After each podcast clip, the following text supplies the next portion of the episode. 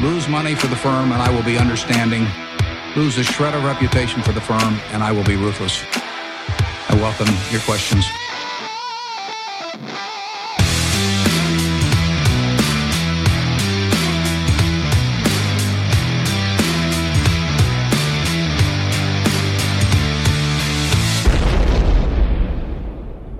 Välkomna till Kvalitetsaktiepodden. Det är jag som är Ola. Ja, och det är jag som är Klas. Det här är avsnitt nummer 53 som spelas in torsdag den 31 oktober. Ja. Det är fullkomligt regna rapporter och i många bolagen vi är intresserade av så har de lyckats klumpa ihop hur många som helst av bolagen på samma dag. Ja, förra veckan var ju brutal. Eh, onsdag, torsdag, fredag. Ja, Det var ju, ja, eh, hel, hel, heldagar kan man säga. ja, du har ju fått eh, kämpa som en furie här för jag har ju lämnat dig i din svåraste stund här och håller på och konsultar som en dåre här med en av mina viktigaste kunder sitter i en tight spot.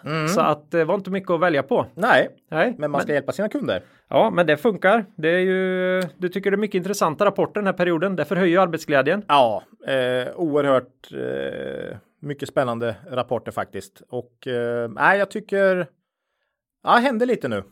Eh, många småbolag som inte riktigt har hängt med i, i uppgången också. Så att, eh, mm. Nej, Ni ska få, ni lyssna på podden idag så ska ni få svart på vitt. ja, du har ju tänkt att göra något speciellt här idag, eller vi. Jag, jag hjälper ändå till lite, lite grann här. Eh, nytt rekord. Ja! 13 bolag i en och samma podd eh, slår vårt rekord med ett då. Eh, Nu, sna, nu pratar vi lite snabba rapportkommentarer här. Ja. Men vi, vi försöker ändå blåsa upp det här som att det vore något helt otroligt ja. speciellt. 13 bolag ska vi gå igenom, du, för du, du är inte vidskeplig och så eller? Nej, nej, men eh, jag inser ju att många är det. Ja, vi ska köra 13. Och, och, svårt att inte tänka på Nadal då, jag som gillar tennis alltså. Ja, han, är ju så, tennisguden. Han är så sjukt vidskeplig. Eh, ni kan gå in och söka på Nadal Superstition på YouTube om ni har lite tid över. Så ser ni alla tics han håller på med. Ja, du visade mig det här innan idag. Jag har ju sett att han håller på och grejar, för det tittas ju på en del tennis på det kontoret kan jag säga. Men, men det var ju galet. Jag vill, det med vattenflaskan är nästan lite läskigt. Ja, sen, sen får han ju inte gå på linjerna mellan bollarna och han måste gå med högerfoten först också och sådär. Så att, eh, och sen, sen har han ju världens ritual före serve och sådär. Så att nej, gå in och gillar ni sånt, gå in och kolla Nadal Superstition på YouTube. Det, det, det riktigt fräna hade ju varit att kunna vara bäst i världen och inte gå på linjen heller under bollarna. Då hade man varit bäst Då hade man Då hade man varit varit bäst. bäst. Ja, ja. Ja, Nej, så det, så är det. ja, Nadal Superstition. Ja, Ja, helt otroligt då. Ja, annars vad har du gjort sen senast Ola? jag varit i Spanien eh, före rapporten här. Vi behövde vila upp mig lite innan. Ja, vart samma väder där som här. Nej, det var Nollgradigt då. 25 grader och, och sol då. Eh, Mi- och, misstänkte det. ja. Nej, det var riktigt härligt. Spelade golf i fyra, fem dagar. Ja, min sista runda här gick väl i sju grader eller något sånt där. Du får, fan fem meter gratis på, på bollen när, du, Ja. när man är där nere alltså. Vad har du gjort? Jag har ju varit i Göteborg och då inte på Hagabadet som kanske många Nej. uppmärksamma lyssnare skulle tänka utan på Liseberg Ola. Okej. De kör ju Halloween på Liseberg va? Eh, det var väl mycket därför familjen vill dit. Jag vill ju dit för Valkyria. Jag älskar ju berg och dalbanor. Mm, Jag vet. Så att eh, fick ju jungfrufärden där då, front row. Och glider man fram där, hänger man ut för stupet där och sen skickas man i en otrolig hastighet rakt ner i avgrunden bara. Underbart, underbart. Lika underbart var det inte med de här extra spökhusen de hade gjort i Halloween. Jag Nej. är ju en lättskrämd liten hare. Så jag och, och yngsta dottern där gick och höll höll i varandra. Ja, du vet sån här sk- skräm va? Du vet Ja. hoppa fram och, och det är precis det är där kan man säga. Exakt den då. Ja. Eh, jag, det var ju några tillfällen alltså. Eh, jag, jag skrek ju som en liten storblankare i Tesla vet jag gjorde här när senaste rapporten kom. För det, det, var, det var inte roligt alltså. Eh, men de gör det jättebra. Ja. Och eh, ja, nej men det är ju kul. Det är ju så här mycket adrenalin Ja, va. ja. Väl värt ett besök. Härligt. Liseberg alltså. Liseberg. Mm. Eh, för det har ju också varit höstlov här. så man kan inte jobba hela tiden. Nej. Eh, I dagens avsnitt då, Ola. Det blev ju lite aktuellt på börsen. De här 13 bolagen. Mm. Vi hoppar faktiskt eh, frågan. Ja. Men kör naturligtvis ett citat som vi har fått in från en av våra absolut mest trogna lyssnare. Ja. För övrigt en nära vän till oss. Mm. Ja, kavaljer Ola. Ja, det är ju våran huvudsponsor. Mm, Cavalier AB. Mm. Eh, det är en kapitalförvaltare som erbjuder tjänster för alla plånböcker. Eh, I dagsläget utgör diskretionär förvaltning det största benet, eh, men de jobbar ju med, för fullt med sin indexoberoende eh, aktiefond Cavalier Quality Focus. Mm. Mm, och du vet Ola, förvaltarna på Cavalier, de sliter ju minst lika hårt som du under rapportperioden. Ja, det är inga Spanienresor där Ja, inte. och det kan våra lyssnare ta del av via deras tjänster. Mm. Det är inte dåligt, frukten av deras hårda arbete. Ja. Mm. Och vill ni veta mer om fonden, eh, Cavaliers filosofi eller sitter på ett större kapital som behöver förvaltas av en varsam hamn så går ni in på kavaljer.se. Där hittar ni kontaktuppgifter till förvaltarna och alla fakta om fonden. Där finner ni också de matnyttiga månadsrapporterna från fonden under fliken fonder. Cavalier Quality Focus går att handla på både Avanza och Nordnet samt på de flesta banker om ni bara frågar dem lite eh, försiktigt. Säg till på skarpen. Ja, säg till på skarpen. Säg till på skarpen skulle jag säga. Ja. Eh, och dessutom, vi och Cavalier blir ju superglada om ni följer dem på Twitter. Mm. Så är ni inte på Twitter får ni först gå in på Twitter och sen så följer ni Cavalier och sen kanske Kvalitetsaktiepodden. Då. Ja. Eh, och då gör man, söker man bara på ett Cavalier underscore AB. Mm. Då dyker de upp. De delar med sig av eh, Lite- allt möjligt roligt. Bolagsnyheter och intressanta tweets. I, Ja. I söndags var de redan ute och flaggade om ryktet här på det här uppköpet av Tiffany's i USA. Bland Ja, annat. Som en peer till Pandora då. ja, Där, där de har eh, investerat. så tack Cavalier säger vi. Börsdata. Mm. Vi, vi vill ju som vanligt tacka Börsdata, vår samarbetspartner. Värdeinvesterarens bästa vän. Det är helt otro, otroligt hur snabba de är på att få in nya nordiska rapporter. Mm. Och kvaliteten där kommer ju inte minst ifrån att de gör det här manuellt också. Mm. Och granskar grejerna samtidigt som de lägger in det. Ja, det var ju senast i morse här som du skrek eh, nettoskuld genom ebitda i Byggmax skrev du, skrek du. Ja, vill du ha den lite snabbt? Ja, då sa jag gå in på börsdata för fanken. Mm. Och sen fick jag en riktig örfil av EFRS 16. det återkommer vi till. Ja, det är inte börsdatas fel. Det är inte deras fel. Nej, Jag börjar bli nej. väldigt trött på det här alltså. Ja, ja, Hur, jag vet inte hur jag kommer kunna förlika. Det måste finnas en uppsida med det på något sätt. ja. Att man kan nyttja det där i handen. Men jag har inte fattat riktigt hur. Hur ändå. Nej. Nej, Nej. tack till Börsdata. Tack Börsdata. Eh, innan vi går vidare i avsnittet vill vi påminna våra lyssnare om att aktieinvesteringar alltid innebär ett stort risktagande. Aktier kan både gå upp och ner i värde. Satsa därför aldrig kapital på aktier som du inte är beredd att förlora. Det vi säger i podden ska aldrig betraktas som köp eller säljrekommendationer. Gör alltid din egen analys av bolagen innan eventuell handel. Lite aktuellt då, Ola.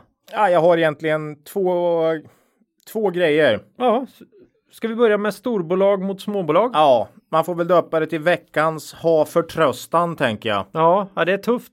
För, för det är många av våra lyssnare tror jag som ändå investerar i lite mindre bolag. Inte bara ligger och eh, köper på large cap. Nej. För i år, jag läste faktiskt i Dagens Industri här förra veckan att Stockholmsbörsen är upp 24 procent i år, vilket är mycket. Medans dock small cap, alltså de mindre bolagen på Stockholmsbörsen, är upp 11. Mm, det är lite skillnad. Det är en rejäl skillnad. Eh, så om ni liksom sitter med många investeringar i mindre bolag och känner att vi har inte, jag har inte hängt med, vad gör jag för fel?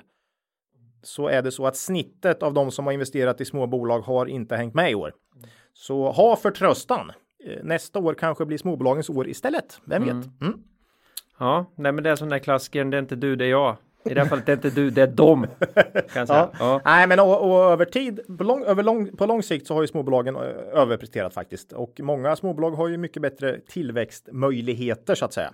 Så att om man hittar rätt där så kan det ju ofta bli väldigt bra. ja. Ja. Eh, nej, så, så är det ju. Det, det, men det är jobbigt att titta på det där och vi, vi jämför oss också mot, mot börsen. Det Ja. blir svårt. Det blir- Jättesvårt det att blir hänga på. Så är det. Så det var veckans ha förtröstan då. Ja, Ska vi ta veckans vad var det vi sa också? ja, jag tycker jag.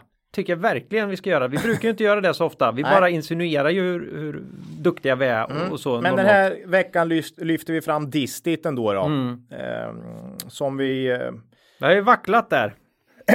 Ja, vi fick ju frågan här från någon lyssnare i somras vad vi tycker om Distit och vi sa, vi hade med i våra dismiss avsnitt här då och sa att nej, vi kanske ändå ska ta och kolla lite, eh, även om vi inte gillar alla de här engångs Posterna. posterna.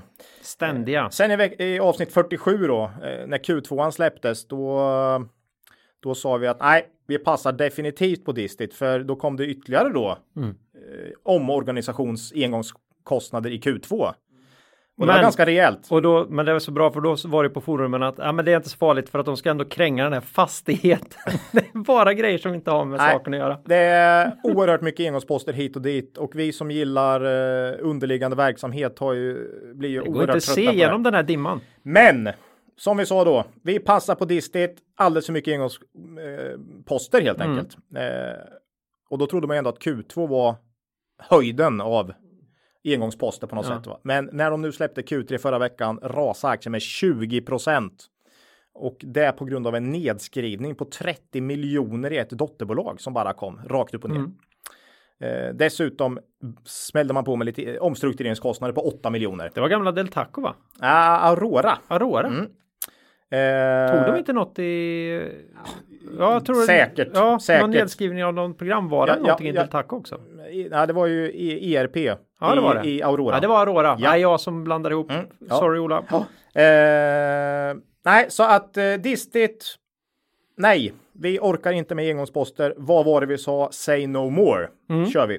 Eh, Ja. Där lämnar vi Distit Nej, de får för, upp i den all, för all framtid. Nej, alltså det, så är det ju Ola, att när de sen har haft det lite lugnt och skönt i några år, då är du där igen. Jo. Så säg inte så Nej, alltså. okej då. Men eh, några år vill Mm. jag ändå ha med eh, någon form av ren resultaträkning. Så kan vi säga. Så man kan få reda på vad de håller på med. Ja. Nej, det var veckans Vad var det vi sa? Eh, spännande. Ja. Bolag då? Ja. 13 snabba här Ola. Ja, vi får se hur snabbt det blir. Ja, det blir men- aldrig snabbt med oss. Nej, nej. Jag tycker jag inser att jag redan pratat snabbt för jag är lite stressad över Ja, att det ska vara så många bolag. alltså, kör man det här i en och en halv alltså nu den här gången. Ja, då- då Det kommer blir det. smurfarna har podd. Det blir det.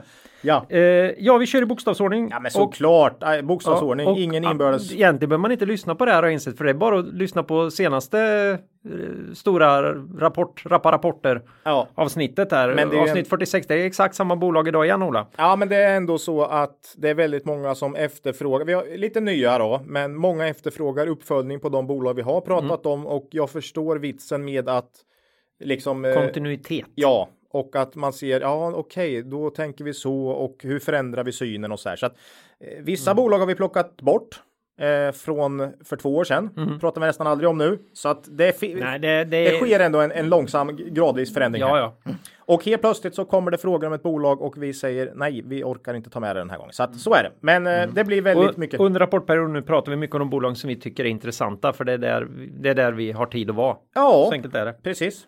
Så är det. Ja, Bokstavsordning. då börjar vi då med AQ Group. Ja, Det här är verkstadsbolaget som parkerat i vår portfölj ett tag Mm. och har sloganen We are reliable Ola. ja, Och då är frågan, stämmer det? ja, det tycker jag verkligen. Den rapporten var spot on på mina förväntningar. Ja, kul. Eh, så ja, jag är väldigt nöjd med den. Ehm, omsättning plus 10% Resultatet. Ja, det var ju jämfört med det här eh, omstruktureringskvartalet förra Mm. året så resultatet mångdubblades ju såklart. Mm. Eh, men eh, nej, känns stabilt och bra. Organiskt och en liten minskning i, eh, oms i omsättningen. Mm. Eh, vilket även hände i en hel del olika industribolag. Eh, VBG bland annat. Eh, och ja, och, jag tror Beijer Alma hade negativ organisk tillväxt och, och några till. Mm. Eh, så att eh, Ja, lite, någon liten inbromsning är det ju ändå här, det är ju ingen tvekan. nej, så att det har varit lite neg negativ organisk tillväxt på flera håll faktiskt. Eh, och man skriver då AQ att vi känner liksom många andra företag av avmattning i det, i det segment som är investeringstunga, till exempel anläggnings och jordbruksmaskiner. Å andra sidan är utvecklingen för våra mindre cykliska kunder inom järnväg, buss, medicinteknik, miljöteknik och elektrifiering fortsatt god. Mm.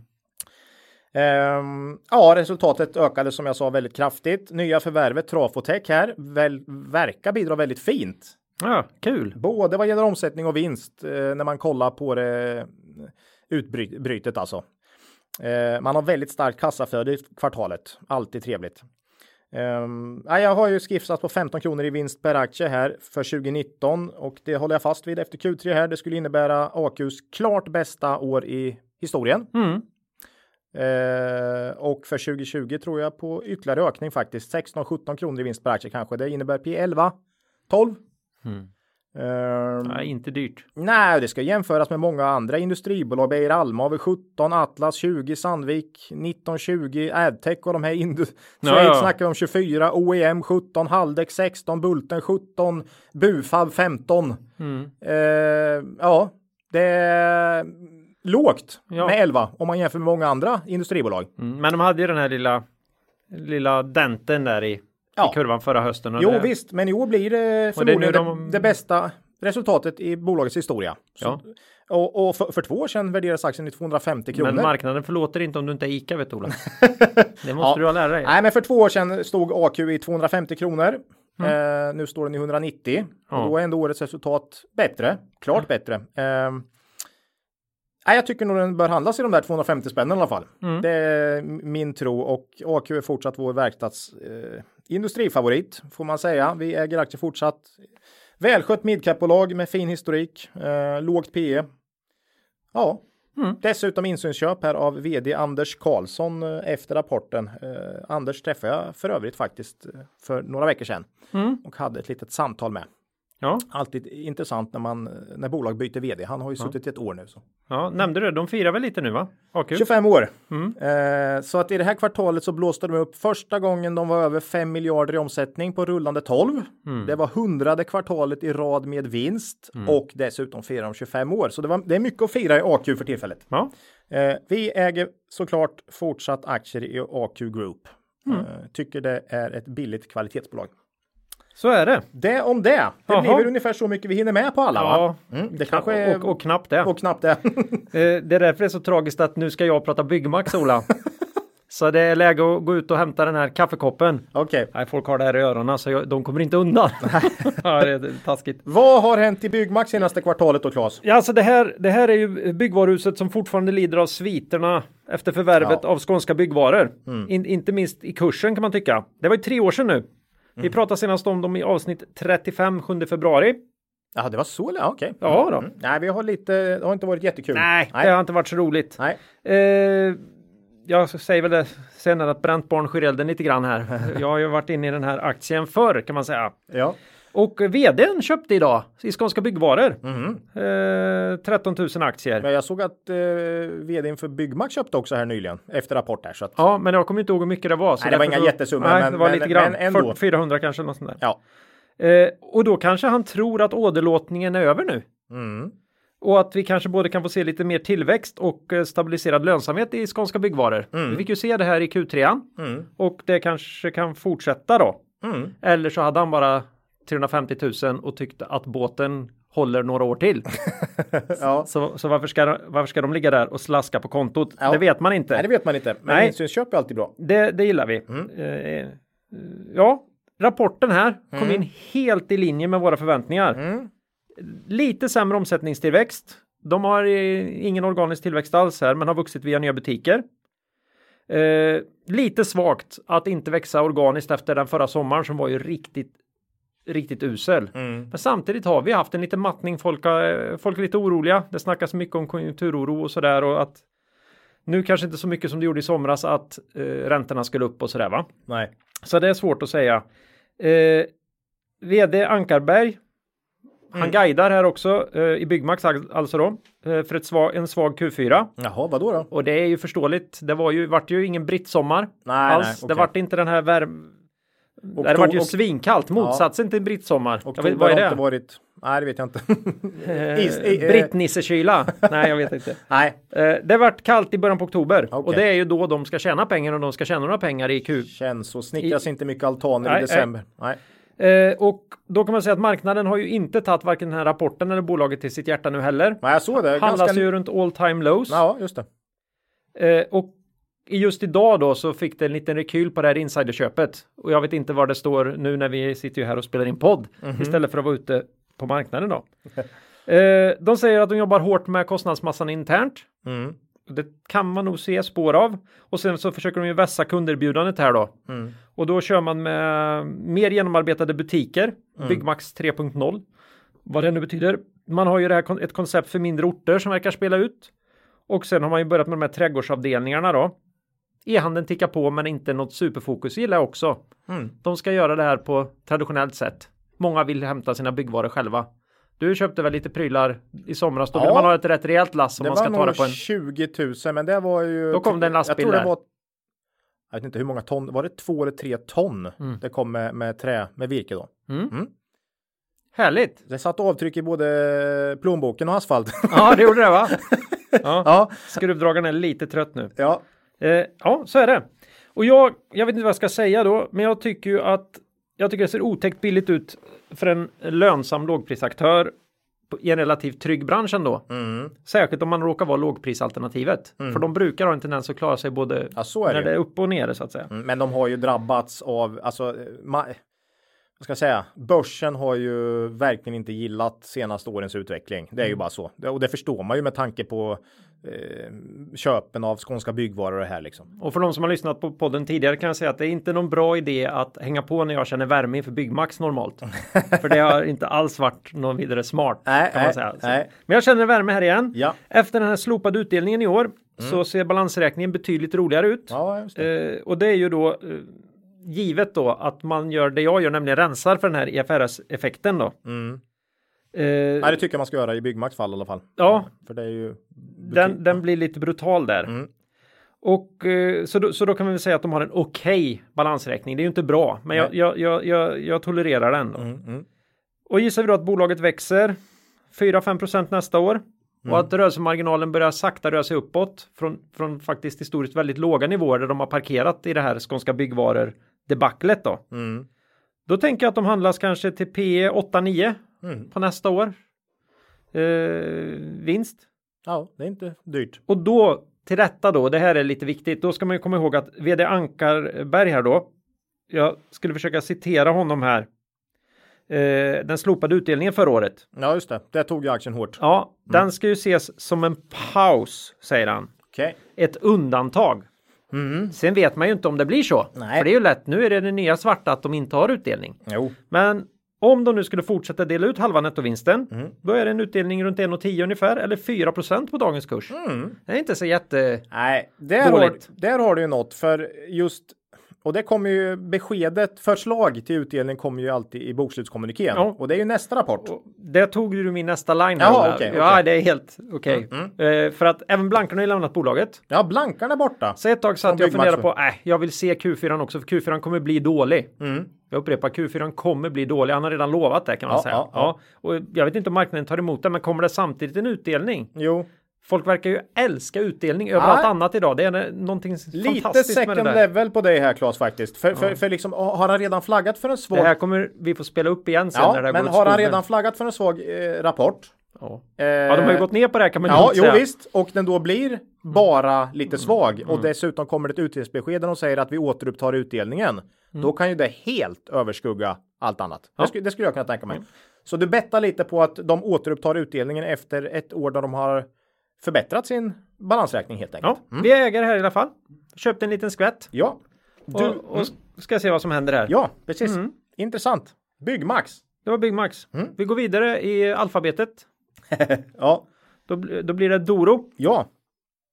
Eh, Det här är ju Ja, Doro har vi ju varit inne på hur många gånger som helst. Ja, faktiskt. När? Ska vi nämna det här igen då att Doro är inte bara telefoner längre. Det är definitivt inte telefonsvarare längre. Det är Nej. heller inte bara telefoner utan den stora grejen är ju trygghetslösningar för äldre. Ja, det är ju det, Det är som där vi växer. hoppas ska växa då Ja. med återkommande intäkter. Precis.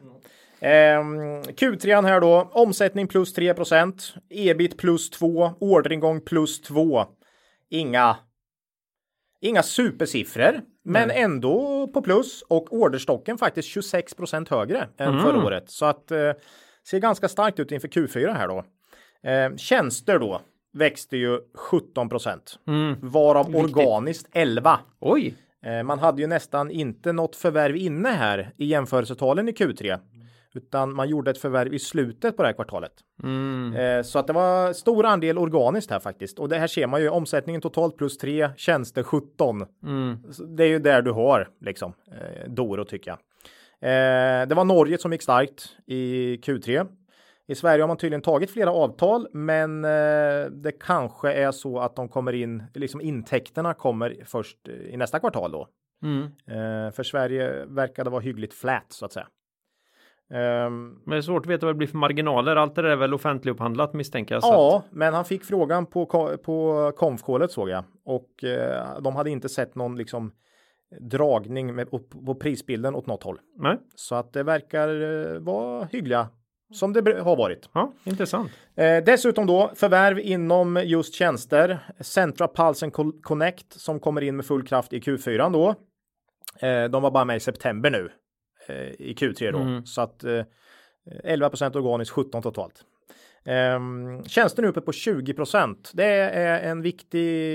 Det, det tycker jag. Nu börjar det bli En någonting. milstolpe. Mm, lite så. Och i och med det här förvärvet så tror jag att tjänster kommer växa 30 till 40% kommande kvartal.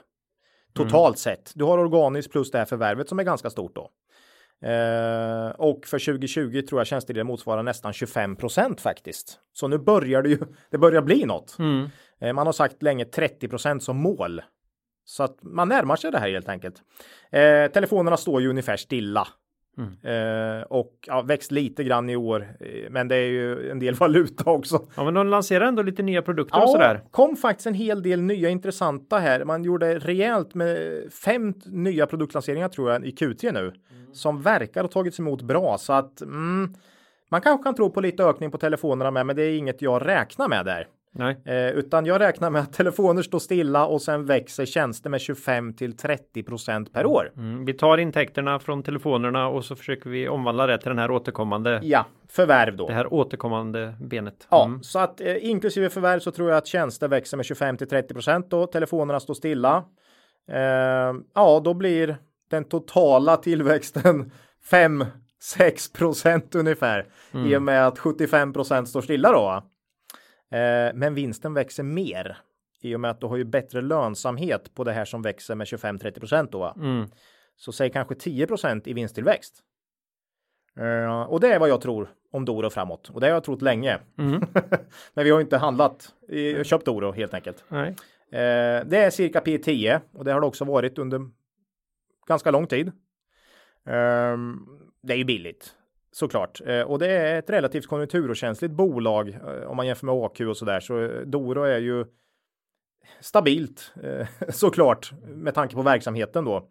Ehm, ja, vi har faktiskt köpt in oss här nu efter Q3. Vi tycker att det är så mycket som börjar falla på plats nu ändå för Doro. Eh, aktien satte årshögsta här såg jag nu i, i veckan. Jag tror inte aktien har varit över 40 kronor på ett år och nu, nu handlas den precis över 40. Eh, ja, gilla vd-bytet. Mm. Carl-Johan Zetterberg Baudrier. Eh, känns bra efter de komfkål jag har lyssnat på. Förra vdn kändes sådär, får vi säga. Mm. Um, ordförande köpte 10 000 aktier här ganska nyligen. Och eh, ja, nej, vi har köpt in Doro i portföljen och hoppas nu på en eh, på en vettig utveckling framåt för bolaget. Vi hoppas på den här 10% vinsttillväxten per år och det räcker för när man har P10 och dessutom då ganska konjunkturokänslig verksamhet. Så att eh, Vi får se om det blir någon trygghetslösning även för oss Ola. ja, ja. Nej, vi gillar ju ne- begränsad nedsida också. Det känner jag ändå att det är här i Doro. Så att eh, ja, Doro är faktiskt nytt innehav för oss. Nej, jag har ägt Doro förut. Var med på en väldigt fin resa från 50 till 80 spänn. Var det här på telefonsvartiden Ola? Nej, men det var på, vad hette han nu? Eh, Ar Arnaud. Eh, Ja, just det. för- Före, före detta vdn. Eh, Jerome, precis Han som vågade börja. börja röra sig mot just eh, eh, ålder, eh, liksom ålder Ja. och, eh, och så. göra något nytt. Ja, eh, så jättekul tycker vi Ja. att vi äntligen har hittat ett, eh, vad vi tror, bra läge i Doro. Ja. Eh, man kan nog höra lite att vi var på väg där om man lyssnar på avsnitt eh, 47 från den 7 augusti. Då vi senast pratade Då var om vi dem. väldigt nära. Vi kände att det började, men vi, vi sa ändå att det kan nog bli tuffa jämförelsetal i Q3 Mm. och därför avvaktar vi. Och ja, det var ju inget jättekvartal. Nej. Så, men, men vi kände ändå att nu, Nu! nu. Nu var det dags. Ja, så det om Doro. Ja, Vad kommer då i listan? ja, då eh, man kan ju tro att vi handlar bolag i eh, bokstavsordning med tanke på att vi bara har ägt allting så här långt. Men nu kommer faktiskt Enea Ja, och det är en gammal bekant i podden som gör fantastisk mjukvara till mobilnätet. mm, Inte minst till 5G-nätet. Just det. Tror vi. För grejen är att vi har egentligen aldrig riktigt fattat vad Enea gör. Vi pratade om dem senast i avsnitt 46 den 25 juli. Det var ju det här rapportavsnittet. Ni Det- kommer höra det. det, blir, igen. det blir väldigt mycket eh, bolag som vi har pratat om här igen. Eh, just eftersom många efterfrågar det. Ja, vi, vi också. Och- Eftersom och- vi ofta kommer ja. tillbaka. Vi Ja. kommer tillbaka till våra gamla bolag som vi kan. Ja, precis. Mm. Eh, nästa podd kommer det också vara rapporter. Då kan det nog bli lite andra också. Mm. Eh, och det, vi kommer till några nykomlingar här snart också. Inte helt nya, men som vi inte har pratat så mycket om i alla fall. Men Eh, Enea då? Ja, ännu ett väldigt fint kvartal. Mm. Definitivt. Omsättning plus 19, ebit plus 24. Eh, rörelsemarginalen i Q2 och Q3 har varit väldigt stark här. Ehm, i, I Q3 är det dessutom bara ett inte så jättestort förvärv som eh, påverkar jämförelsetalen. Så jag uppskattar att man hade en organisk tillväxt på några procent här också i, i Q3 faktiskt. Och eh, det är ju förmodligen då den organiska tillväxten i alla de här nya förvärven från senaste åren som väger upp tappet i gammel eh, Enea så att säga. Ehm, så mm, nej, intressant tycker jag eh, att de här förvärven numera är en större del än vad Enea från början var. Va? Häftigt egentligen. Ja, snabb omställning. Ja, man har gjort det väldigt bra. Och balansräkningen känns, alltså kändes i våras ganska ansträngd tycker jag efter alla förvärv. Men nu har man ju eh, gjort en nyemission. Och dessutom förtidsinlöste man obligationer nu med, med de här pengarna. Så att jag tycker den ser okej ut nu. Balansräkningen. Så det är inte omöjligt att man gör ett till förvärv då. Nej. Eh, Och kan man hitta förvärv av den här kalibern så får man gärna förvärva hur mycket som helst. har de ju varit väldigt duktiga på. Mm. Eh, absolut. Eh, vd-bytet har ju varit en osäkerhet för oss där Mm. i och med att förra vdn hade så bra track record på det där. Men han sitter med som ordförande nu då. Mm. Eh, vd han antydde väl att han kanske skulle vara in, inblandad även i framtida förvärv. ja. förvärv. Så att, Mm. Nej, men det, det, den här successionen har ju börjat bra. mm. Så känns det alla absolut som. Eh, Det är P 16 på redovisad vinst per aktie. Inte särskilt dyrt eller inte alls dyrt om man på något sätt ska få in det här i ett mjukvaruvärdering då. Nej, Eh, men eh, ja, nej, jag tycker det, det är billigt eh, helt klart för, för den verksamhet man har. Eh, man skriver ju dock i alla rapporter att de förvärv som Enea genomfört under de senaste åren eh, har en större andel nya affärer där enskilda kontrakt kan vara beloppsmässigt stora med en varierande grad av återkommande intäkter. Detta innebär att variationen mellan enskilda kvartal kan förekomma. Och, och det här gör att jag, jag, jag tycker det är lite svårare att prognostisera på kvartalsbasis än vad det har varit förut. På grund av att det är, det är lite mer, det är inte så mycket återkommande nej intäkter. mer orderstyrt. Ja. Eh, och sen så har det stört mig lite att man har satt så fruktansvärt låga mål eh, för året. Eh, man kanske i och för sig ska se det som någon form av bottenscenario, men man kan ju i, i stort sett man stryka Q4 om man är redan uppe på, på målen redan då va? Så, så att det blir lite konstigt för Ja, man har redan nått målet, målen med, för året. Mm. med tre kvartal, ja nästan. Ja, ja, men man är inte långt borta i alla fall. Nej, man, jag tror inte man har nått, men, men, men det krävs väldigt lite. Alltså, Ja. man, som jag tror så kommer man slå de här målsättningen med hästlängder Man kommer kunna snubbla fem meter före mållinjen och ändå klara det. Ja, lite så. Ja. Så, så att, ehm, ja, men det gör en ju lite osäker. Mm. Nu har man alltid haft det här i flera år i och för sig. Men eh, ja, eller är det så att man kanske känner en lite större osäkerhet med tanke på den här att det inte är så mycket Mm. återkommande och därför så sätter man en lite lägre prognos. Mm. Ehm, ja, man ligger på 25% rörelsemarginal nu, men man har säger att man ska ha över 20. Så det finns ju en viss fallhöjd då, eh, tycker jag. Mm. Eh, men P16 är inte dyrt, framförallt när, liksom, när man sätter det i kontext till andra mjukvarubolag. Så att eh, vi, vi äger inte aktier, men vi gillar Enea. Det har ju alla förstått som som lyssnar på den här podden. Mm. Och vi har inte fått anledning att ändra oss. Nej, vi, har, vi gillar Enea mm. helt enkelt. Eh, jättefint bolag som skulle eventuellt kunna få en sån mjukvaruvärdering och då skulle marknaden deppa till, deppa, deppa till sig lite mer här så skulle vi säkert köpa in oss igen. Köpa in oss igen. Ja, så är det. Det om Enea, fin Q3. Ja, eh, Kindred då? Näst, ja. näst på tur här då. Eh, och då citerar jag oss själva det trygga spelbolaget. och de har skakat precis lika mycket som många av de andra då under både GDPR och marknadsregleringar. Ja. Marknaden verkar dock gilla senaste rapporten Ola. Skulle man våga ta sig ett bett idag? Ja. Nej, Kindred, jag vet inte. Också avsnitt 46 senast. Ja, mm. Kindred mm. kom in väldigt nära dina och mina förväntningar mm. som vi hade i våra Excel-snurror i alla fall. Um, vad vi inte riktigt hade i våra förväntningar var den här kursuppgången. Nej, skulle jag säga. Den, var, den, var... den, den, har vi inte med i vår snurra Ola. Nej, Kommande kursuppgång, den skulle vara jättebra. Ja, ja. Nej, det blev ju fullkomlig tokrusning efter rapport här och eh, det är ju förmodligen för att Q4 då har börjat eh, börjat bättre än förra året mm. eh, och marknaden och antar eller hoppas på att liksom botten är nådd va. Mm. Eh, och då ska ju aktien upp för det har varit lite fritt fall här mm. under första halv nio månaderna. Jag vet Ola. Ja, jag, jag var där. ja, jag vet. Mm. Eh, nej, men så här är det ju med låga förväntningar och låga värderingar. När man börjar se på en vändning, då kan det gå fruktansvärt fort upp.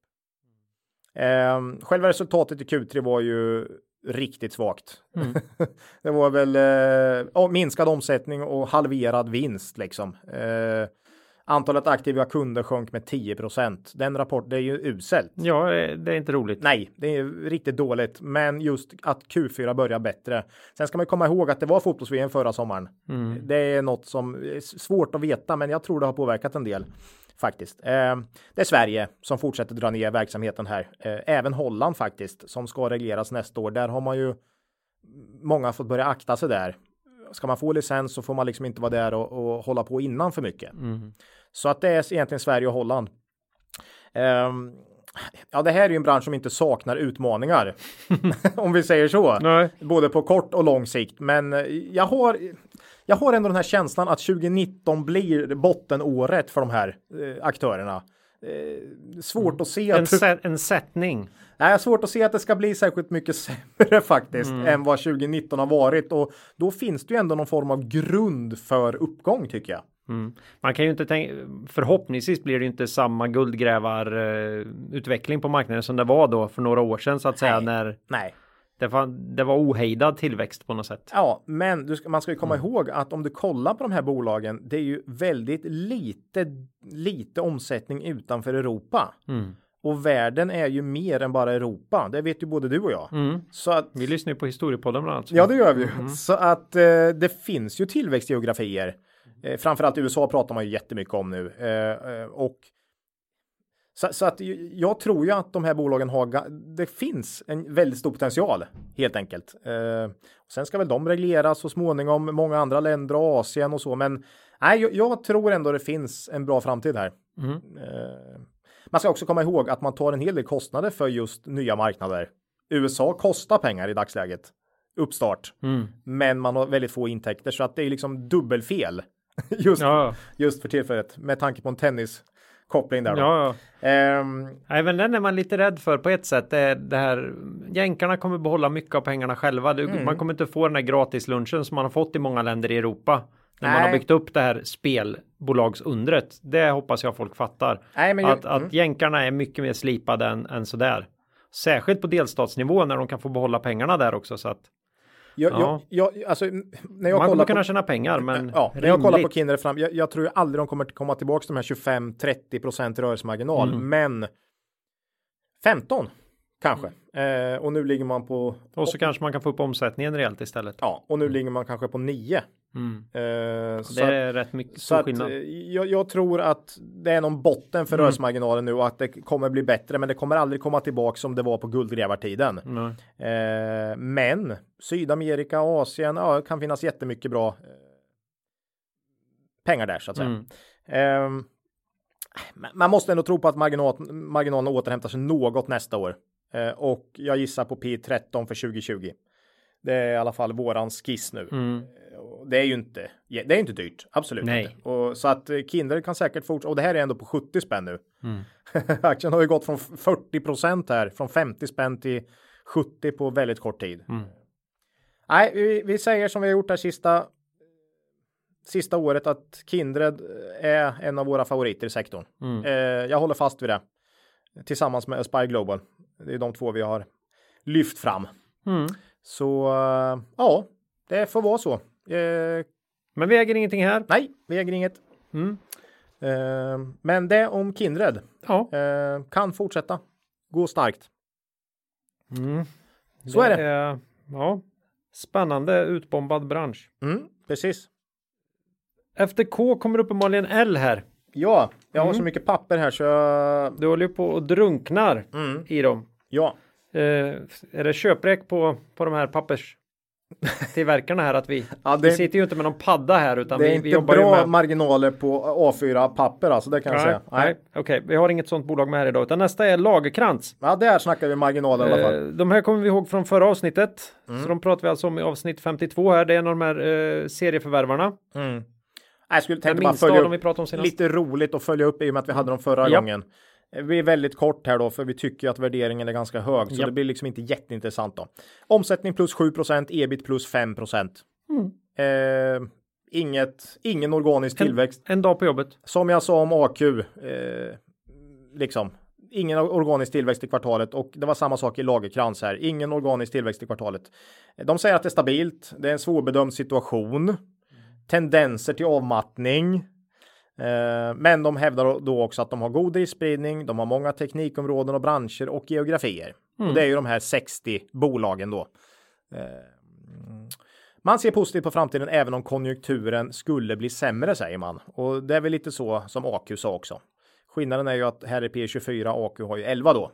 Så att eh, ja, Lagerkrans tuffar på långsamt, men det, var, det är inget bra kvartal utan organisk tillväxt och låg. Ja, låg tillväxt, men man tappar inte vinst i alla fall. Mm. Mm. Och förmodligen inte i kurs heller. Ja, lite gick den väl ner här, men P24 är ju för mycket. Det är ju så bara. Mm. Mm. Det om Det var Lagerkrans. en liten snabb Ja. tillbakablick där då. Mm. Eh, sen då Lammhults kvalitetsmöbler från Småland, främst till kontor och institutioner. Mm. Var med då i det här av, legendariska avsnitt 46 från den 25 juli. Ja, Ja, Alamhult släppte väl kanske den här rapportperiodens starkaste rapport av de bolag som vi har följt nära på slutet. Eh, omsättning ökade med 11 då. Ebit och vinst per aktie ökade med mer än 50 här i Q3. Eh, orderingången upp 7% och orderstocken var vid utgången av september 14% högre än förra året. mm. Ser väldigt bra ut. Marginalförbättringarna fortsätter i Lammhults på ett väldigt fint sätt. Ehm, Det är både Office och bibliotek som bidrar fint i Q3. Eh, inför Q4 ser det ut som att bibliotek kommer vara det ben som levererar bäst. Mm. Bland annat har man ju en ganska stor order som ska ut då till Dubai. Eh, de här två affärsområdena brukar växeldra lite. Office känns lite mer konjunkturkänsligt med tanke på att man inreder inte så kanske mycket kontor och så i sämre tider. Men bibliotek tickar på ganska bra. Mm. Eh, Sverige är nu nere på 28% av omsättningen i Q3, vilket är historiskt lågt faktiskt. Eh, Mm. Så exportmarknaden går bra helt enkelt. Ja, kan ju vara lite valutaeffekter. Lite där också. Eh, men ja, det går bra på många håll. Sverige är det som verkar gå sämst nästan. Mm. Eh, Q4 ser ut att bli riktigt starkt här. Eh, mycket med tanke på ordergång och orderstock här. Eh, och ju, som jag sa, det mesta av den här ordern till Dubai då var en jätteorder ska ju ut i Q4. ABG såg jag har 3,40 i vinst per aktie för Q4. Eh, och då ska du veta att man har gjort 3,60 hittills i år på alla tre kvartal. Så det är ju nästan hälften av vinsten man tror på här i Q4. Eh, och jag kan hålla med. Jag, jag, tror också det ska ligga runt 3 spänn. Mm. Eh, borde vara det och det här ska jämföras med 0,15 kronor i vinst per aktie i Q4 förra året med tanke på att man avyttrar sitt sista eh, bolag mot privatkonsumtion då. Mm. Men, men kommer mycket av det här från den här stora ordern som ska iväg eller är det bara det går bra nu? Nej, mycket alltså Orden kommer bidra, mm. men du har också, de har också gjort ett väldigt, väldigt fint jobb med att öka upp rörelsemarginalerna mm. i båda affärsområdena under senaste tre åren. Mm. Eh, så dels lönsamhetsförbättringar generellt, eh, effektiviseringar, mm. kostnadsbesparingar och en stor order. Mm. Och de här ordrarna i Lammhults, de kommer ju lite stokastiskt. Förra året, i 2018 var det Q, första halvåret som var starkast med några jätteordrar. Nu har det varit andra halvåret. Eh, men de har ändå, eh, det, det tickar in med någon kontinuitet om du förstår vad jag menar. Mm. Eh, ja, nej, men då blir det 7 kronor i vinst per aktie för 2019 enligt ABG då. Eh, det är P8. Det är ju lågt med tanke på eh, mål på 10 omsättning tillväxt per år i snitt och där har man faktiskt legat sista fem åren då. Eh, och så har man ju den här marginalresan mm. som man har på gång nu då. Eh, balansräkningen är okej. Okay. Man kanske dags för ett förvärv snart igen. Det var nästan två år sedan nu. Mm. Man, det är ju en viktig del för att komma upp ja, till 10, för de har inte 10% organiskt över tid, utan de kanske har 3 och resten är förvärv då.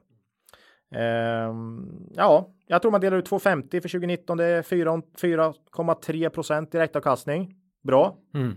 Jättebra. Börsplus skrev igår att man upprepade sin köprek såg jag igår med 30% uppsida i sitt huvudscenario skrev man och det är ungefär där jag också tycker någonstans. Liksom 30 mm. borde vara rimligt upp liksom. Uh, ja, alla vet väl här som har lyssnat på podden att vi köpte Lammhults här i somras. Mm. Det har mm. vi berättat förut. Och vi har ökat faktiskt efter Q3. Tycker den var så pass stark och väntar oss ett starkt Q4. Mm. Så... Ett lokalt tomtenisserally i... Ja. Nej, det kommer ju senare. Ja. ja. Nej, men ja. så att vi har ökat i Lammhults ser väldigt starkt ut. Q4 ser ut att bli väldigt bra så att vi har ju. Ja, vi är fortfarande ägare i Lammhults. Ja, kul. kul. Kul med möbler. Kul Kul med eh, bolag som låter som dansband brukar vi också säga i podden. Svedbergs, Lammhults, Kinnarps. Vad är, vad är det med alla de här små eller Dan, Västgöta? De är, dans, de är dansanta i Kinnarp är ju Västgöta. Ja. Det kanske Svedbergs också är förresten. Jag vet ju fan oh. Jag kan inte se det. Nej, men Nej. Det, Västergötland eller Småland. Mm. Det mm. säger vi bara, det bestämmer vi. Ja. Så är det, annars får de flytta dit. Eh, nästa på listan efter Lammhults. Ja, då är vi på en Ola. Vad hamnar vi på då? Då är vi på en eh, några som vi tog alldeles nyss i podden för första gången. Ja, här. men det är lite kul att följa upp. Eh, New Nordic Health Brands var med i avsnitt 51 från den 3 oktober, så det är oerhört nyss. Ja. Och de här säljer då kosttillskott framnosade i skogen av en galen fransman som folk tror fungerar som medicin. Och det här gör de till väldigt bra marginaler, Ola. Det ja. här är ju ett mycket spännande bolag. Mm, mm. Ja. Men vi har kommit fram till att det är mer etiskt än än tobak i alla fall. Ja. Eftersom folk inte uppenbarligen inte dör av det här. Mm, mm. Mm, I alla fall. Mm. Eh, hoppas de inte stämmer oss här nu men ja. Ja, eh, ja. fint. Ja, fint bolag sa vi ju senast. Mm. Det tycker vi fortfarande. Eh, levererar väldigt bra senaste åren. Fina vinstökningar, fina omsättningsökningar. Q3 omsättning plus 5, ebit plus 5. Eh, och det här ska också faktiskt ses i ljuset av ett väldigt starkt Q3 förra året då. Eh, bruttomarginalen ökar igen. Var lite svagare första halvåret. Men eh, ja, den ökar igen, vilket är väldigt positivt då. Eh, man låter positivt i vd-orden och det känns som att man kommer kunna prestera ett bra Q4 här. Eh, med en vinst på lite över 5 kronor per aktie landar PE på cirka 15. Det var vad vi sa senast också. Jag tycker väl det är där det ska ligga ungefär. Mm. Man har en fin balansräkning, nettoskuld noll. Um, jag tror man höjer utdelningen i år, gissa på kanske 1,75. Ja, då har du direktavkastning på 2,2 procent. Inte jättehögt, men ändå något. Mm. Um, ja, det känns. Vi, vi håller väl i vad vi sa sist vi pratade här då. Det var förra eh, för två, tre avsnitt sen va? Ja. Då sa vi att vi tyckte aktien kändes rätt värderad och det tycker vi fortsatt, forts, fortsatt då. Mm. Men fint, välskött bolag med fin historik eh, är det. Kan nog inte bli riktigt, riktigt upphetsad sådär. Men eh, mm, ja, kom, Ja, vi, kom, jag, jag, jag blir upphetsad av andra anledningar då. ja. Mm. Nej, men kom väl in som, som vi hade väntat ungefär. Ehm, ja, rimligt värderat, Mm. tycker vi. Nej men jag, jag själv dricker ju C-vitamin varje morgon och tror att det ska hjälpa mot förkylning. Ja. det, det, och det gör det ju säkert då va? gör det. Om jag bara, om jag bara tror på det. Om jag bara tror på det Ja, så kommer det gå utmärkt. precis. Eh, det är gott också. Mm. Det var New Nordic Health Brands. Jag älskar ju namnet. Ja, Det är väldigt fint. Mm. Eh, Nilörn. ja det, Det har vi ju- fått väldigt mycket frågor om. Kan ni inte prata nilörn igen? Det har vi ju gjort några gånger. Det var ju också då senaste avsnitt eh, 46. Ja, precis. Det här Ja. eh, rapport. Det här är etiketter och förpackningar till kläder. Mm. Både i butik och online. Mm. Har haft problem med marginalpress. Ja, Hur går det? Ja, nej, vi tog ju upp eh, Nilörn sist va, som eh, i det här avsnittet vi snackade inför rapportperiod. Mm. Som ett av de här eh, som vi håller extra koll på, Mm. eller hur? Eh, och vi sa då också tror jag att om rapporten bara kommer in lite sämre än förra året så är det starkt. Mm, för Så- det var ju fruktansvärda jämförelsetal. Ja, nej men det här med jämförelse och hur, hur svårt det kan och hur, hur mycket det kan Vi ställa- skulle kunna prata lite om det nu för att försöka utbilda lite Ja. grann, men det har vi inte tid med, Nej, vi utan vi tog bara konstaterar Ja. att det är så. Vi tog det sist. Japp. Omsättningen minus 1 orderingång plus 2, resultatet plus 1% Så att man kom in in line. Och Mhm. jag sa ju att även ett försämrat kvartal kunde vara starkt med Mm. tanke på förra året. Så att vi tyckte det här. Vi tyckte det här var bra siffror. Mm. Helt klart alltså. Eh, vi kan konstatera att det, det är bra siffror. bra ja. siffror. Bruttomarginalen som du frågar efter utvecklades också åt rätt håll Mm. igen och man säger att man har haft mycket fokus på det. Man hade tydligen några riktigt stora ordrar med lägre marginaler också i första halvåret. Men var inte det de här förpackningsordrarna som man har? Och sen tydligen RFID nya har lite lägre marginaler också. Men kan... Man vill ju att det ska vara tvärtom. Nej, men, men- det är dyra grejer och folk vill väl inte betala för det. Nej, jag vet inte. Eller dyra, men det är säkert det är dyrare än vanlig etikett. Mm, men det kan väl driva omsättning då. Mm. Eh, man säger fortfarande att det är tufft på flera marknader, framförallt UK då. Brexit nämner man också som en möjlig orsak. Mm. Eh, men jag tycker nog ändå att man överlag låter positiv eller mer positiv i Q3. Man lyfter fram Tyskland Mm. eh, som en väldigt positiv marknad för tillfället där man ökar betydligt mot föregående år. Även Italien som är en relativt ny marknad. Det tänkte man ju Gucci och Ja, ja. alla de här. Men den är ganska ny marknad och det går väldigt bra tydligen. Tekoindustrins mecka. Ja, eh, så Italien lyfter man fram och sen så säger man att man är nöjd med utvecklingen i Skandinavien med. Så det kanske bara var UK som gick. Dåligt. Men det Nej. vill man ändå trycka lite extra på. Ja, nej, men eh, man säger att det är tufft, men man är positiv också till många marknader för tillfället då. Eh, jag tycker det känns ändå som att man har bra eh, koll på saker och ting för närvarande och det finns mycket som pekar på att Q2 snarare var en engångsföreteelse då åt det negativa hållet. Mm. Eh, än att det skulle vara en ny trend så att säga. The ja, new deal. Ja, Mm. jag tror inte på någon jättetillväxt framåt här, i alla fall inte utan förvärv. Man skulle kunna köpa, man har en bra balansräkning, men jag tror man håller eller ökar omsättning och ebit svagt. Lite grann kommande kvartal. Ehm, Efter att ha läst Q3 så är jag dock hyggligt säker på att man inte sänker direktavkastningen i, i höst Mm. eller i vinter. Och eh, då är det 6,5 procent, vilket är väldigt fint för ett stabilt och fint bolag som eh, Nilörn. Ehm, ja, Den så kallade kupongen. precis. Nej, men direktavkastningen, det är ju en krockkudde när man har så pass hög direktavkastning i ett bra bolag, Mm. utan tvekan. Ja, och det här insyns, Tractions största ägaren köpte ju, vände ju till köp här. De har ju sålt under många år. De vände till köp här för två För månader de sedan. satte dem på börsen. Jaha, Ja. Precis, och sen så har man liksom sålt av lite Mm. successivt. Men nu vände man till köp för två månader sedan och det var ju synnerligen vältajmat då. Men det är... Det är som nästan som de visste något Ola. Ja, precis, precis. Ja.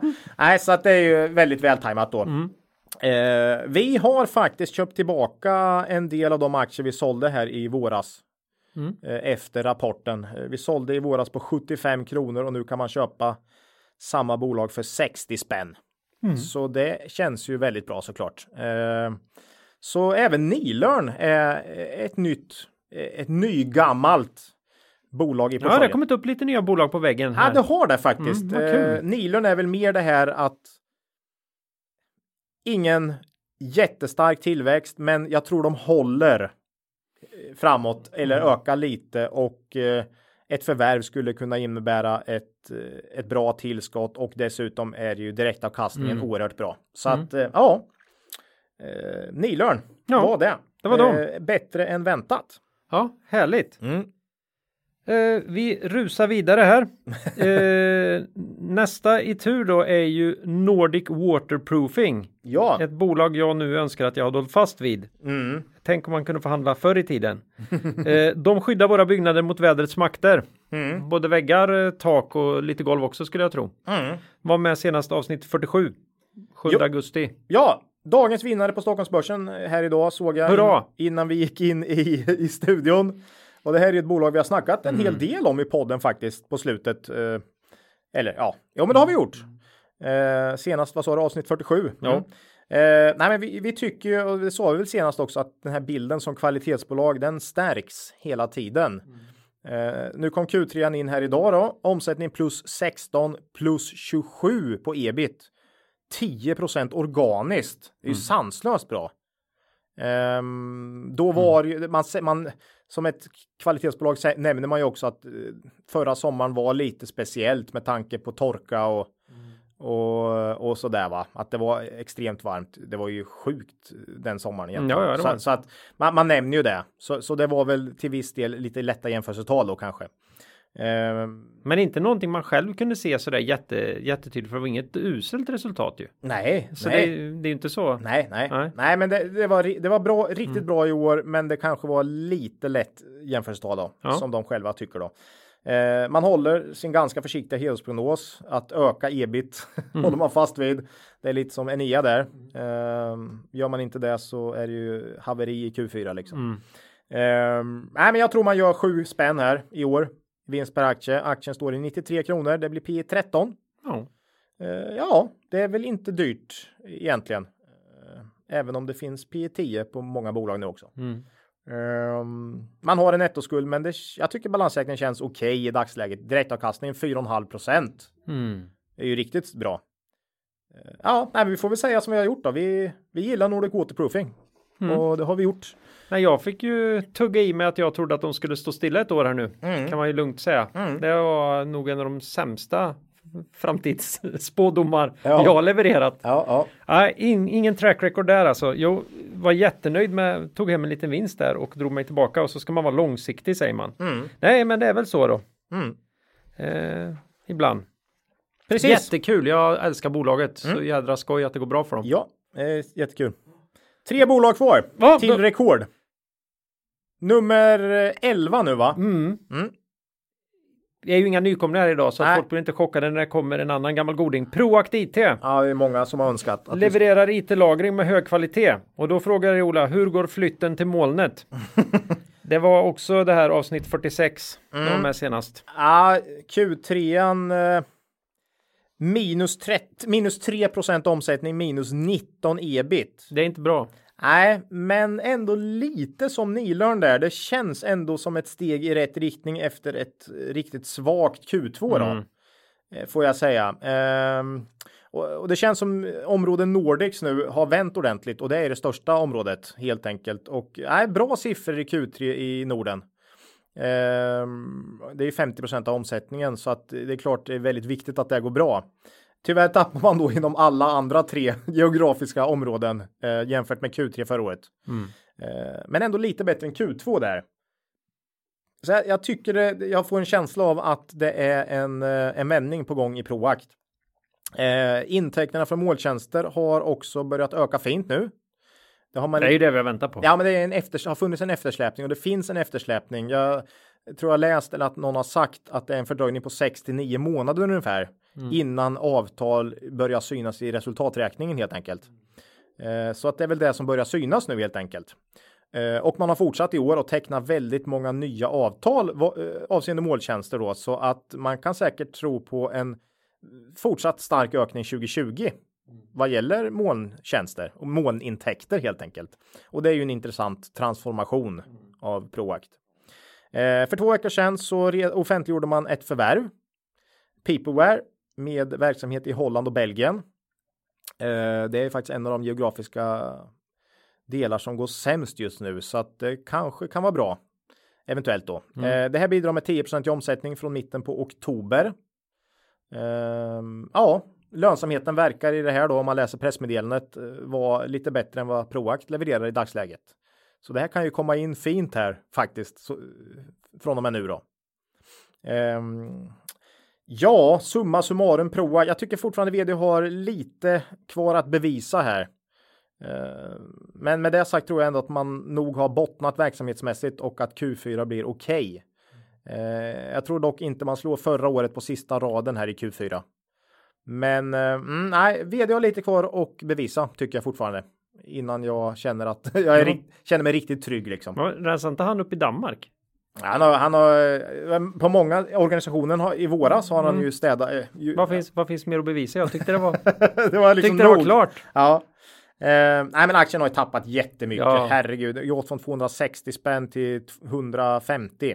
Så att eh, jag tycker det känns billigt i dagsläget. Det handlar mer om timing, timing och en mm. fråga om eh, när man känner att man har fått förtroende för nya vdn. Eh, mm. Det är de två grejerna. Um, och det vill vi se något kvartal till innan vi känner riktigt förtroende skulle jag mm. säga. Så att eh, det landar väl eh, ett steg i rätt riktning för Proact. Ja, så kan man väl summera. Men vi äger inga aktier. Noll på kontot. Mm. Eller i depån i det här fallet.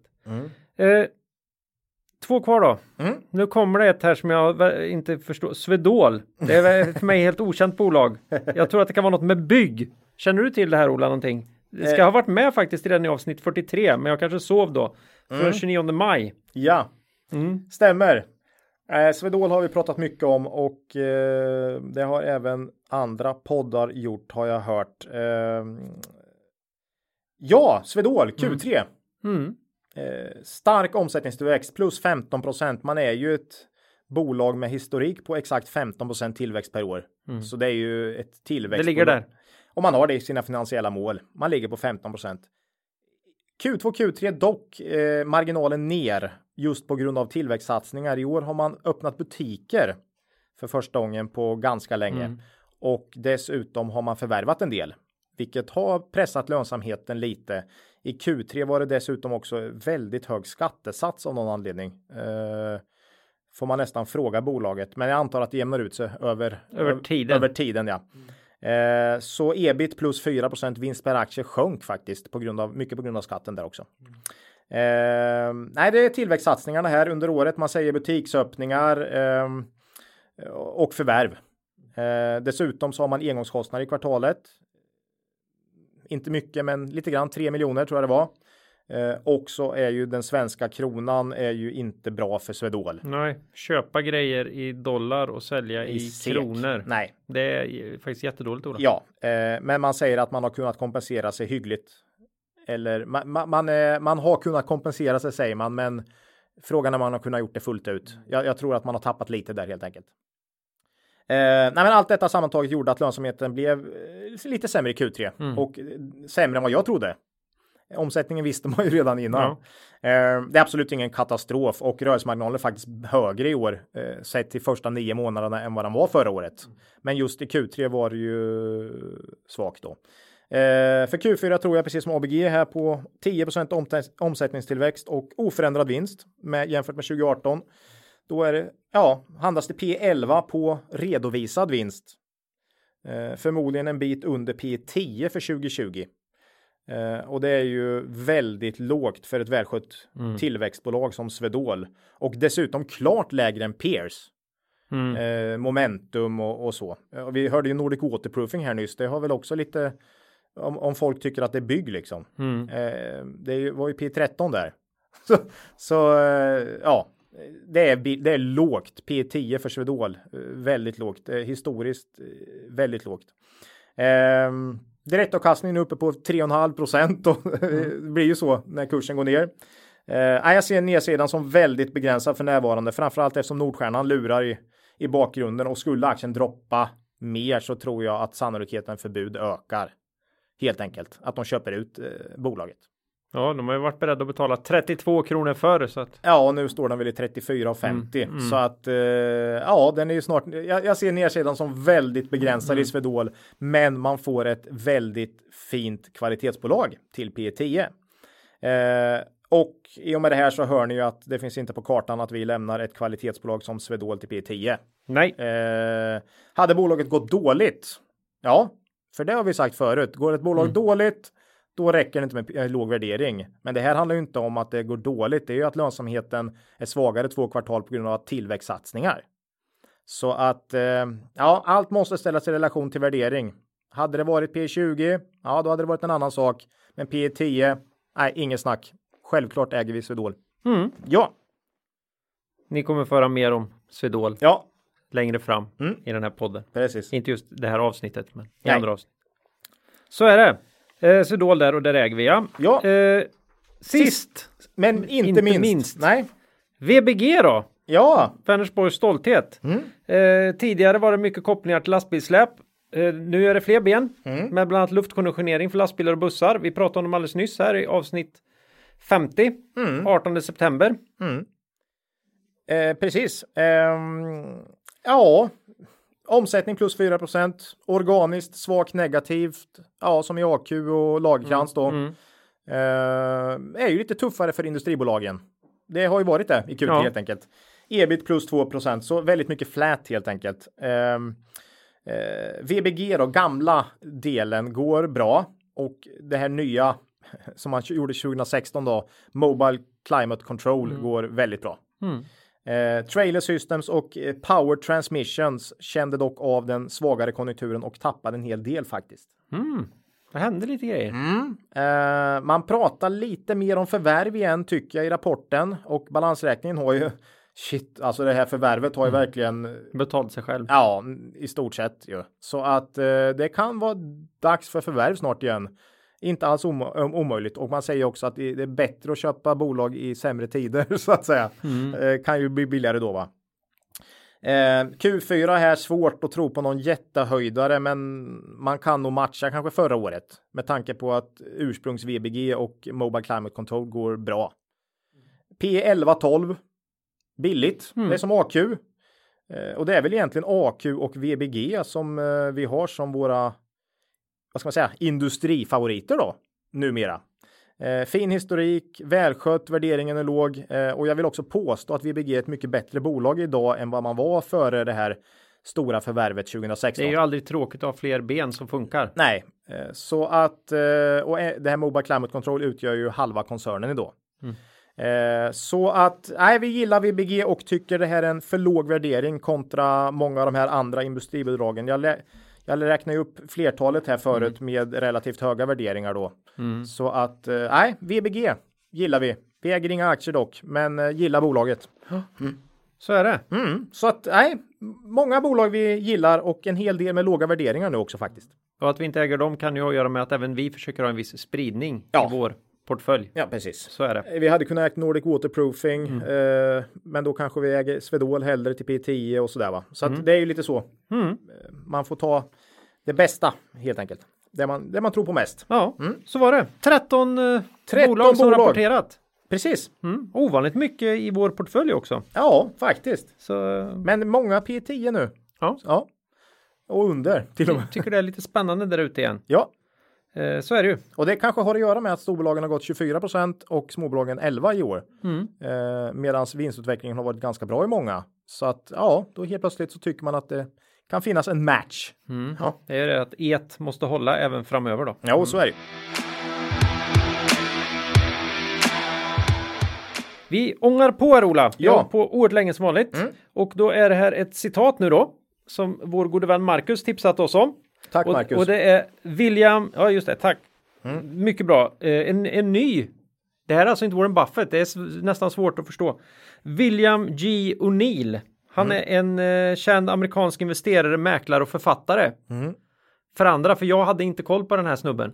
Kände du till nej, honom? nej, nej, nej. Men han verkar ju fruktansvärt bright med tanke på att han har sagt The whole secret to winning and losing in the stock market it is to lose the least amount possible when you are not right. Så han säger att hela hemligheten med hur man, hur man ska göra vinst eller förlust på aktiemarknaden är att förlora så lite som möjligt när man har fel. Ja, det här är ju oerhört viktigt och eh, en av våra styrkor tycker jag eh, när vi brukar investera. Eh, jag har hållit på med det här länge och Till att börja med så accepterar ju det här det här. Den här accepterar den viktigaste grejen. Du kommer ha fel. mm, bara den är ju viktig. Den är jätteviktig Mm, för det är så många som liksom då, då blir man depp över det Mm, och det får man absolut inte vara. Sen, men, men, men det är två grejer med det här Mm. tycker jag. Dels är det ju då att du måste inse själv Mm. att du har haft fel Japp. och då sälja, för då har du ju inte haft, ditt case är Nej. ju inte vad du har trott var. Så då måste du sälja omedelbart helt enkelt. Du har haft fel, punkt slut.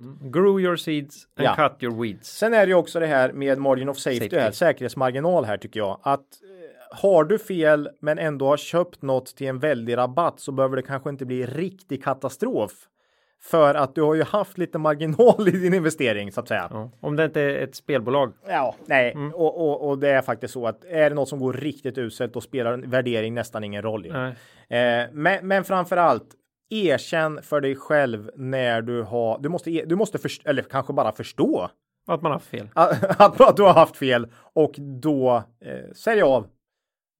Precis. Mhm. Oerhört väsentligt. Mycket väsentligt. Det är många, många som ligger kvar med massa surdegar i portföljen. Nej, men jag kan inte sälja nu. Det är så lågt. Alltså, Mm. så nej, Och det här har ju också att göra med vilken riskprofil man har när man går in. så, så är det ju såklart. Mm. Men eh, nej, jättebra citat. Mm. Grymt. Väldigt bra. Mm. Eh, vi börjar närma oss slutet. Mm. Nästa avsnitt kommer ut på en torsdag igen. Den 14 november. Mm. Då blir det i allt väsentligt rapporter. Ja. Ja, det blir ju definitivt. Eh, Mm. Det, det är det vi kan med den här tiden på året. Det blir liksom andra sjoket med rapporter då kan man säga. Eh, maila oss gärna eller kommentera på Kvalitetsaktiepodden eh, på Twitter eller på vår hemsida kvalitetsaktiepodden.se. Och mejlen är kontaktet kvalitetsaktiepodden.se. Eh, ja, vi får ju be om ursäkt. Vi ligger efter i arbetet med att svara på mejl och sådär. Ja, jag har verkligen Många haft det. engagerade lyssnare, Mm. men vi har mycket intressanta rapporter här också. Vi lovar att försöka komma ikapp när det lugnat ner sig lite. Ja. Men det kan dröja några veckor till. Ja, Eh, då så är det. vi, då ska vi beta av mejl. Ja, Mm. så sorry. Mm. Vi älskar faktiskt att, att göra det, men Mm. måste prioritera lite ibland. Ja. Ja, och jag är ju ute och far en del, tyvärr. Mm. Eh, ja, slutligen Dola, något riktigt makro eller TA värt att ta upp idag? ja, men idag tycker jag faktiskt jag har en, en liten grej. Va? Ja, nej, för idag historiepodden Ja. som vi har snackat Åh. så mycket Åh. om. Ehm, som våran favoritpodd då, Ja. som egentligen inte alls har något med, med aktier att göra. Och jag brukar Normalt. Normalt. Men de, för den här gången Mm. Så var ju temat då börskraschen 1929, svarta torsdagen och ja, du vet va. Ja. Det är så dramatiskt eh, och det, det är roligt det här liksom när de pratar om de här som, som förväntas hoppa från, från Wall Street, från höghusen. Ja. Jag vet inte vad man ska säga om det, här, för det blir lite konstigt när man har två grejer man tycker riktigt mycket om i världen och det är historiepodden investeringar. Och helt plötsligt så pratar historiepodden om investeringar va? Ja, ja, ja. Ja, det är... ja. Jag vet inte vad man ska säga om det Nej, nästan. nej. Så, så eh, gå in på historiepodden och kolla upp deras avsnitt Börskraschen 1929. Det är min, eh, det är väl makro kanske. Ja, sorgligt nog finns det faktiskt en hel del att lära Ja. av, av, av den händelsen också. Absolut. Det var likadant då som nu kan man säga. Ja, Oerhört spännande. ja Eh. så, så det blir väl min makrotake här då, kan Ja. vi säga. Ja. Mm. Gå in och, Och jag- lyssna. Och jag nöjer mig med, med den. Härligt. Jag är, så, jag är så chockad här så att Ja. jag, jag, jag kan inte komma på något annat. Eget ägande.